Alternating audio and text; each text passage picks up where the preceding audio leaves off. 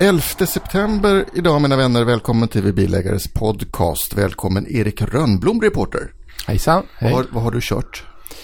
Ja, jag har ju kört eh, nya Honda Jazz till exempel. Och så Passat Alltrack. Mm. Fredrik Dietz Wikström, reporter. Vad har du kört?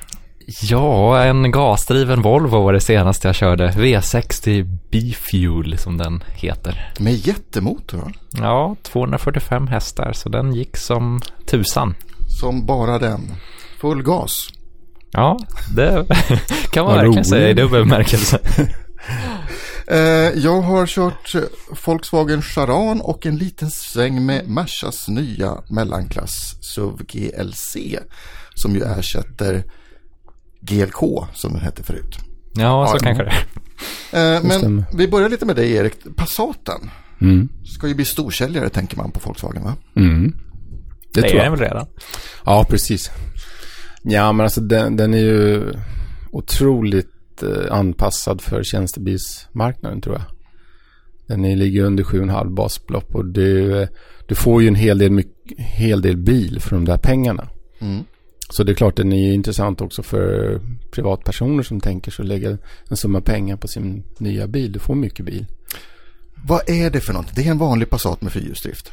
Ja, det kan man säga, men den är ju högre också. Och de har ju satt ihop den nu så att du, du får ju fyrhjulsdrift, du får DSG-låda och du får en eh, ganska stark motor. Mm. Och det är mycket bil du får. Och man trodde, var det en tredjedel av Passat-försäljningen som skulle mm. bli det här? Jo, man har tänkt sig det. Det är nog inte helt omöjligt. Fyrhjulsdrift är ju väldigt bra i ett land som Sverige. Mm. Eh, och den, jag menar Passat, nya åttan, eh, åttonde generationen. Eh, alla som har kört den eh, tycker ju att det är en gedigen, bra, trevlig, funktionell bil. Och när den då har fyrhjulsdrift, automatlåda och den här eh, starka motorn som gör att den, den får ju dra vet 2200 kilo. Oj. Det är mycket. Vi har ju en vanlig Passat i vårt långteststall. Fredrik, du har väl mm. kört den en del. Vad säger du om Passat generellt? Ja, det är en väldigt förnuftig bil som är bra på det mesta. Så äh, även det här, som Erik säger, kan nog bli en, ett lockande erbjudande. Mm. Och så var det småbilen Jazz då, Erik? Ja, det är ju åt helt andra hållet så att säga. Och eh, det var ju ett tag sedan som, som den förra generationen Jazz kom. Den här är ju väldigt lik kan man säga. Det är ju svårt liksom att göra en, en småbil på något revolutionerande annat sätt. Om man tänkt sig att man vill ha den här takhöjden och bra rymlig kupé. Och det, det har ju Jazz. Och den har den här Magic Seat som den hade förut, du vet. Man kan fälla upp. Ja, just man fäller upp eh, baksätet sittdyna som, som, som på en bio va? Ja, precis kan man säga. Så kan man ställa saker på golvet. Mm. Jag tycker det är ganska klurigt faktiskt. Jag vet inte om folk använder det, men jag tycker det är ganska smart. Ja, men jo, för det är ganska ofta som man ändå har höga saker som man ja. har svårt att få in i en bil. Liksom. Eller bara kassar eller vad det nu är. Det är lätt att slänga ner det där och det är lättare att ta upp det så att säga. Ja. Lyfta ur dem. Det är en funktion som finns på Honda Civic också. Eh, men inte på den här prestanda-versionen Civic Typ R som jag körde här om månaden. Där har man tagit bort den. Men varför då? Ja, det är en bra fråga. Kassar Nej, ska man inte köra kassar. Men, nej, men det kan ju också vara tankens placering, hörni. För att grejen, de har ju tanken under, under passagerarsätet fram. Mm. För att kunna göra det här. Mm. Jag vet inte om man har kanske flyttat på den då. Ja, det på, kanske man har R-modellen. Jag har inte reflekterat kring det. Nej.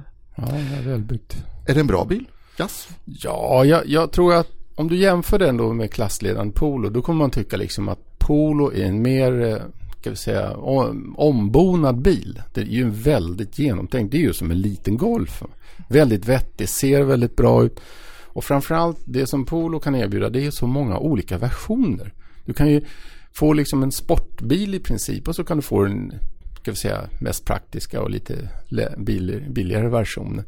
Det är lite svårt när man eh, tillverkar en väldigt långt bort och förse och det är en liten marknad då med olika versioner. Så att det, jag tror det kanske ligger en i fatet. Men vad man vet om den här Honda det är att den kommer ju funka. Det är, en, det är säkert en väldigt bra byggd bil skulle jag tro. Mm. Den byggs långt bort säger du? Är det ja, Japan? Bygg, ja, de, har, de byggs väl i, jag tror i sju olika fabriker i världen. Men den vi får tror jag är från Japan. Okay. Mm. Fredrik, du hade kört gasvolvo. Ja, exakt.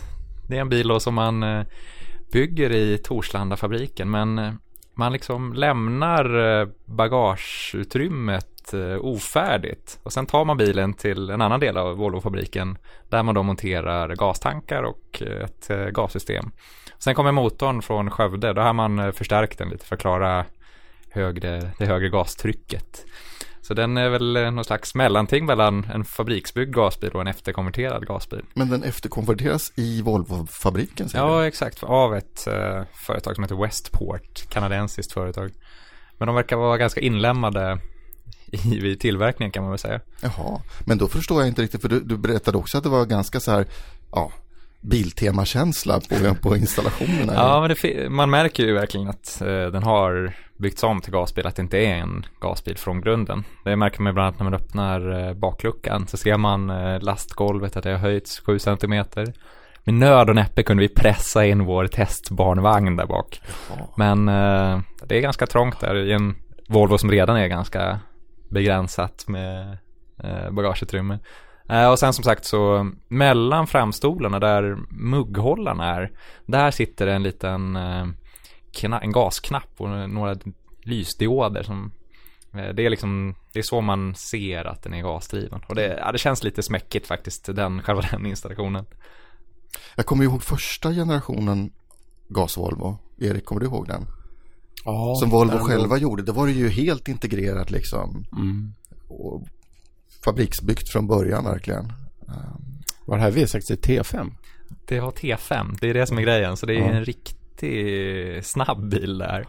Eh, kul Poäng. att köra. Ja. Och det är en rolig kombination egentligen. Att man kan Mm. kombinera alltså, miljönytta med alltså, en eh, rolig körupplevelse. Så Mm. det är väl, ligger väl den här bilen för.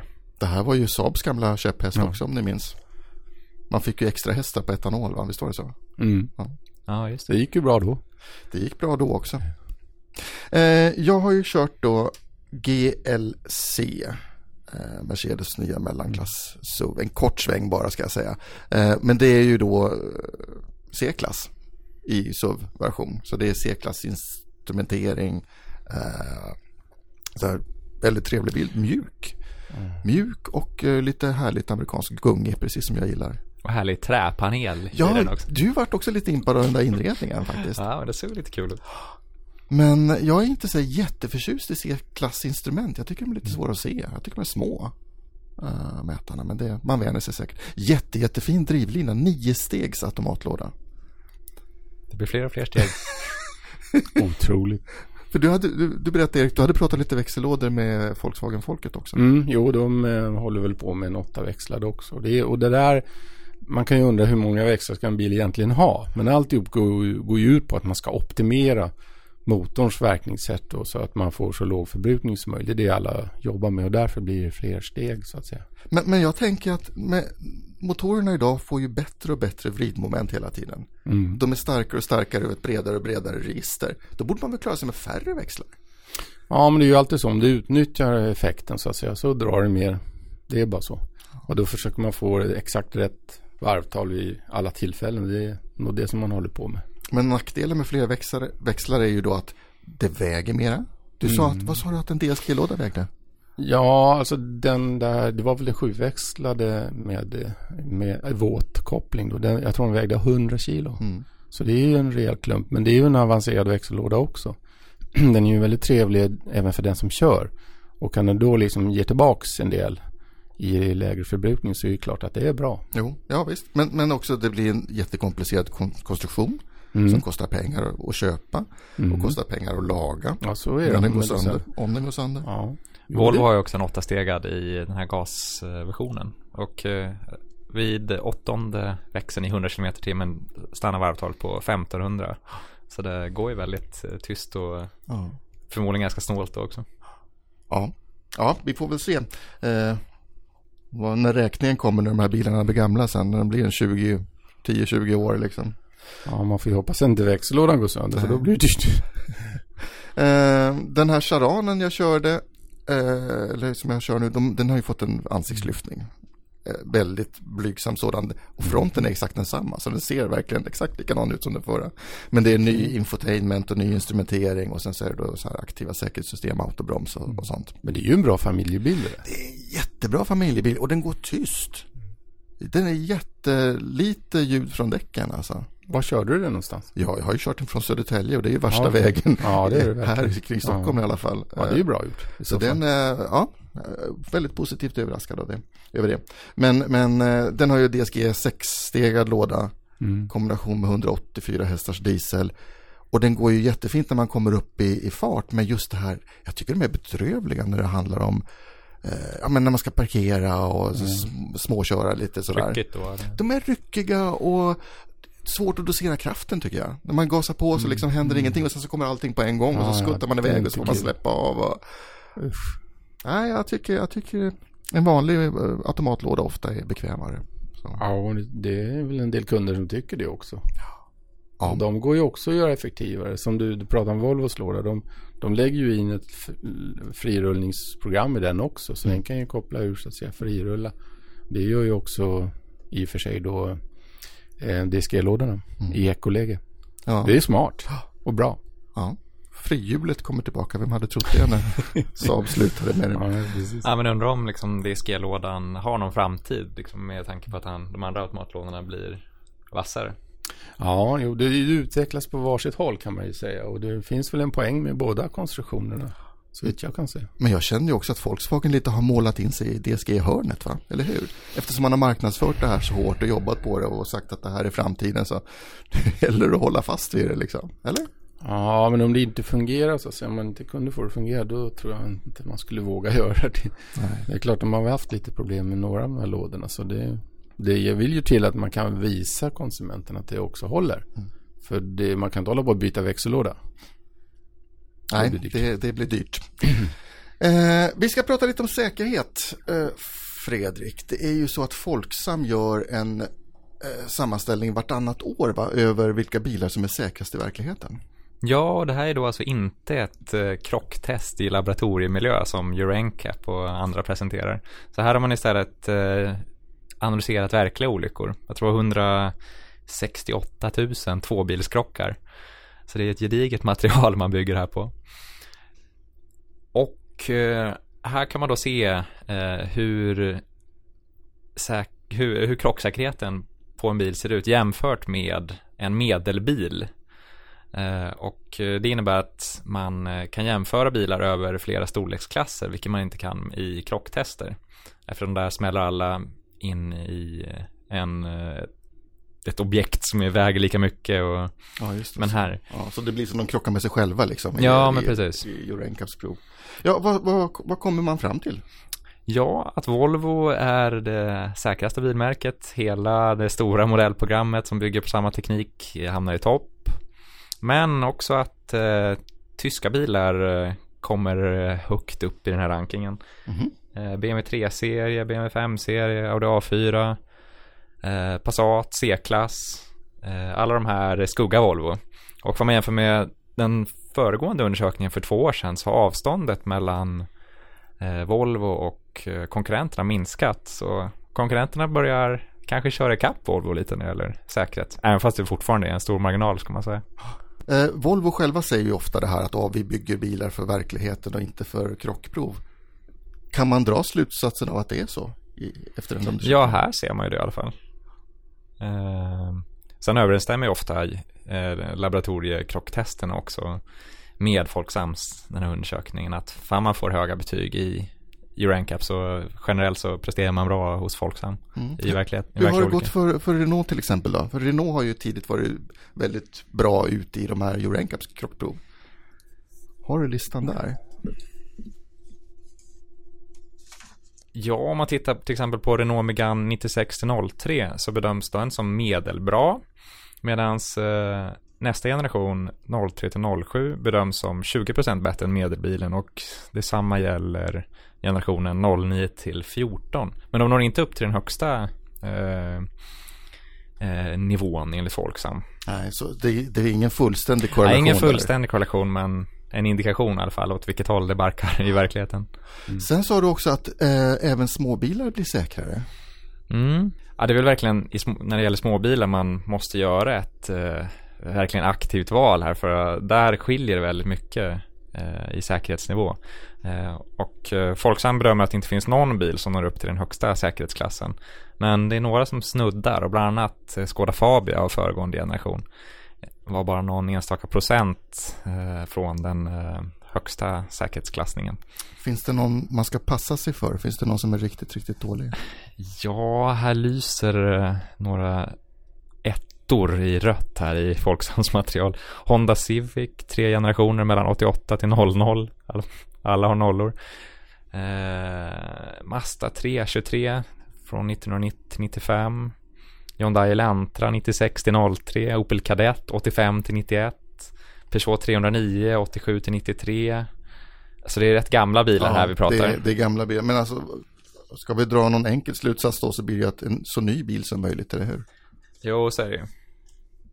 Så det är Ja, verkligen... du, du får ju också då de elektroniska hjälpmedlen då.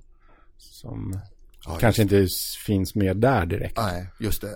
ESP framförallt, alltså antisladdsystem är ju jätteviktigt. Ja, och även det här som man har i stan autobroms. Ja. Sen finns det några bilar som de eh, pekar ut som av något modernare snitt som har, som folk som beskriver mycket låg säkerhet. Honda Civic 96 till 00, Ford Fiesta 96 till 02, Hyundai Accent 99 till 06, Hyundai Elantra 96 till 03 och Citroën C3 00 till 09. Så det är ganska moderna bilar. Eh, Så det ska man nog tänka på för man eh, funderar på att köpa de här som bäggbil. Men är det inte det, lite grann det där som du beskriver nu som gör att många tycker att ja, en småbil ska man kanske inte ha i Sverige bland alla de här stora bilarna. Utan man kanske väljer golfklass och uppåt, Mm. de flesta, tror jag. Så är det ju. Småbilar har det tuffare i, i tvåbilskrockar helt enkelt. Mm. De väger mindre. Så det gäller att välja rätt. Eh, ett bra sätt att undvika att krocka överhuvudtaget är också att ha riktigt bra däck. Eller vad säger du Erik? Mm, jo. är, om man har en dålig bil ska man ha bra däck tycker jag. Alltså det är ju liksom, folk tänker lite tvärtom där. Och det är kanske av ekonomiska skäl så jag ska inte lägga någon synpunkt på det. Men ju sämre bil man har desto bättre däck skulle man egentligen ha. För då eliminerar man ju en del av det, ska vi säga, svagheterna som bilen har. Mm. Och det senaste nu, nu som vi har gjort är ju att eh, förbereda inför vintern. Så vi har ju kört eh, vinterdäck. Det kommer nästa, nummer 13. då. Mm. Man ska ju verkligen ha bra däck för man kör Volkswagen Polo 82 till 94. Den är 233 procent sämre än genomsnittsbilen. Så där ska man lasta på fina däck. Det är något att bita i. Ja. Eh, dubbdäcken redovisar vi nu i tidningen som är aktuell. Och eh, du skriver också där om det här debaclet med ett pressmeddelande som VTI gick ut med i somras om eh, partiklar. Ja, de, gjorde, de har gjort en undersökning eh, när det gäller partiklar för att de funderar väl över hur kan de nya dubbdäcken som har så många dubb vara så bra att de inte släpp, så att säga, sliter mer på vägen. Men så det är egentligen två olika slags tester. Det, det, de här dubbdäcken gö- gör som har kanske 180-190 dubb, de går igenom ett slitagetest. När man kör över plattor och man mäter hur mycket sliter de bort egentligen. Och godkänns där om de är okej. För, för grundregeln är annars att, att antalet dubb är begränsat, eller hur? Ja, men 2013 kom en ny regel och då var det ju liksom inte mer än 50 dubb per längdmeter eh, rullumkrets. Och det är en minskning därför att förut så fick du ju ha eh, från 16 tum och uppåt så fick du ha 130 dubbar. Nu blev det då alltså 96. Men samtidigt också infördes den här nya regeln som innebär att du kan få däcket godkänt i ett eh, overrun test. Det som jag beskrev, att man kör över plattor och så mäter man hur mycket sliter de bort. Mm. Så det finns ett antal sådana däck som är godkända enligt den regeln. Men då har VTI testat ett antal däck i sin eh, vägsimulator kan man väl kalla det för. Den, eh, man monterar däcken helt enkelt på en maskin och så kör man på en vägyta och så mäter man då liksom vad är det som händer med, med eh, partiklar. Och den har vi har i och för sig kritiserat tidigare och tycker att det, det är sån snäv omkrets. Det är bara 5,3 meter om jag minns rätt här. Och det ju, det, du kan ju inte köra en bil så snävt. Det är som att köra en ständigt skarp sväng alltså. Ja, precis. Och då tycker man att det, det är, kanske är lite för tufft jämfört med verkligheten. Man kör ju inte alltid i en kurva. För, för vad det här provet visade var ju det att däck med fler dubbar också skapar mer partiklar. Ja, de kom, fram till, de kom fram, precis fram till det. Att ju fler dubb, desto fler partiklar. Men det här andra testet då, som däcken går igenom när mm. de blir godkänd, det, det, visar att de inte släpper ut fler partiklar. Nej, de visar att de inte sliter mer på vägen. Så det är en nyansskillnad där. Men vad betyder det här då? Ja, det får vi nog återstå. Det får vi se, för det pågår ju nu en otrolig massa undersökningar och tester. Och eh, man ska nog inte ge sig in i någon gissningslek här. Därför att det, jag tänkte så här när jag såg eh, VTIs undersökning att okej, okay, det, det, har ett mer slitage kanske den orsaken. men kanske att eh, eh, däckens relation till varandra borde vara rätt i när man har ju så ska vi säga, kontrollerat prov. Men det kan ju finnas eh, omständigheter i det testet som eh, gör att man måste lära sig hur ska man relatera det testet till slitagetestet. Så det återstår att se vad som kommer ut ur det där. Det är inte klart än. Jag har frågat många, även eh, eh, finska trafiksäkerhetsverket Trafi. Och de säger att det är för tidigt att ge någon kommentar. Det säger många däcktillverkare också. Och VTI är också eh, förhållandevis försiktiga. De säger att ja, vi får se, vi ska göra jämförande prov. Så att det, det, det, kommer fram så småningom hur det ska se ut och hur det ska bli. Men som konsument nu då, Fredrik här, han ska ju köpa nya dubbdäck imorgon. Vad ska han, mm. Hur ska han tänka då? Han ska tänka som han gjorde förut tror jag.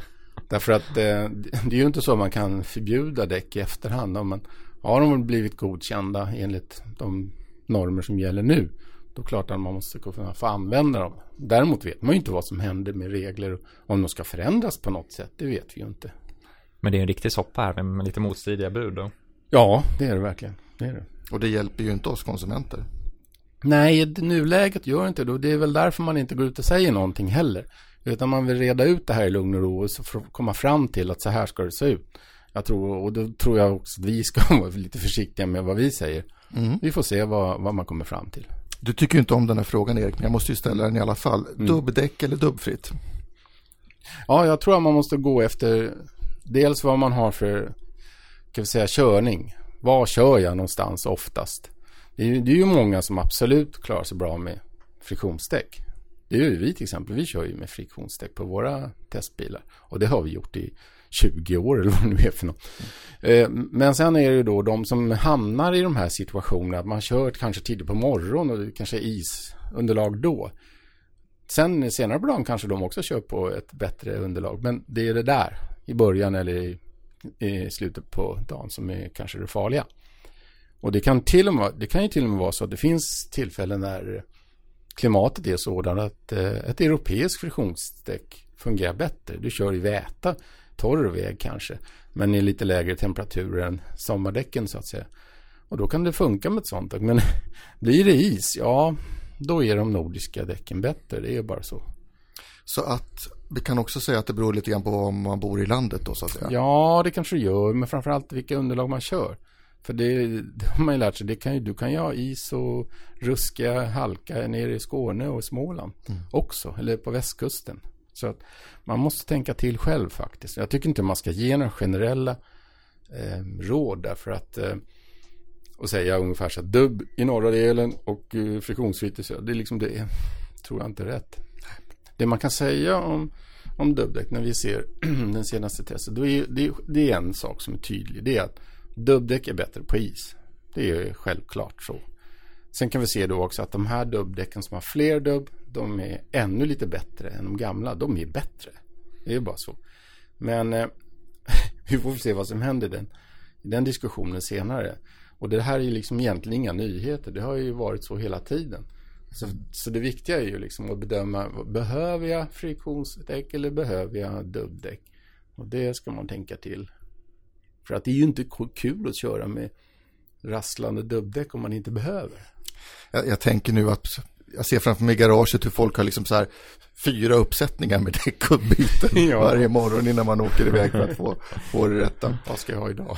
Vad ska jag ha för däck idag? Ja, det, jo, men du vet, det, det säger däcktillverkarna själva när man diskuterar med dem så säger de så här att det är vinterväglaget i Sverige, det är jättesvårt. Det är inte ett väglag, det är fem kanske. Dessutom i varierande temperatur. De måste ju göra däcket så att det klarar kanske minus 40, minus 50. Så då deras gräns där de sätter nivå där däcket måste klara det är kanske minus 60. Det- Så det är klart att det däcket funkar inte särskilt bra när det är torrt och vått eller höga temperaturer. Så är det. Det går inte att göra ett sånt däck som klarar allt det där. Finns ingen heltäckande kompromiss. Inte än. Inte än. Vi flyttar till Spanien istället så blir det mycket lättare. Eh, vad ska ni göra nästa vecka, Erik? Nästa vecka ska jag nog, ja då håller jag på och förbereder en sommardäcktest som vi ska göra. Så. Ja, just det. Ja, jag ska väl traska runt på eh, bilmässan i Frankfurt och... Fredrik ska till Frankfurt, ja. Just det. Ja. Ja. Eh, Ta du, med dig druvsocker för då blir det extra energi. ja, jag ska komma ihåg att packa det. och så kan du väl uppdatera lite på Instagram och Facebook och sånt där så att Mm, vi ser, nej, men det kommer hända vad som grejer. händer. Ja. Spännande. Eh, Tommy Wahlström heter jag. Jag vet inte vad jag ska göra nästa vecka. Jo, jag ska åka och titta på en eh, förhandsvisning av nya Skoda Yeti. Mhm. Just det, det är en sån på gång. Det är en sån på gång. Jösses vad de spottar ur sig bilen. Yes, ja. ingen hejd på det. Eh, Tommy Wahlström heter jag. Tack för att ni lyssnade. Vi hörs igen förmodligen nästa vecka. Hej då. Hej. Hej hej.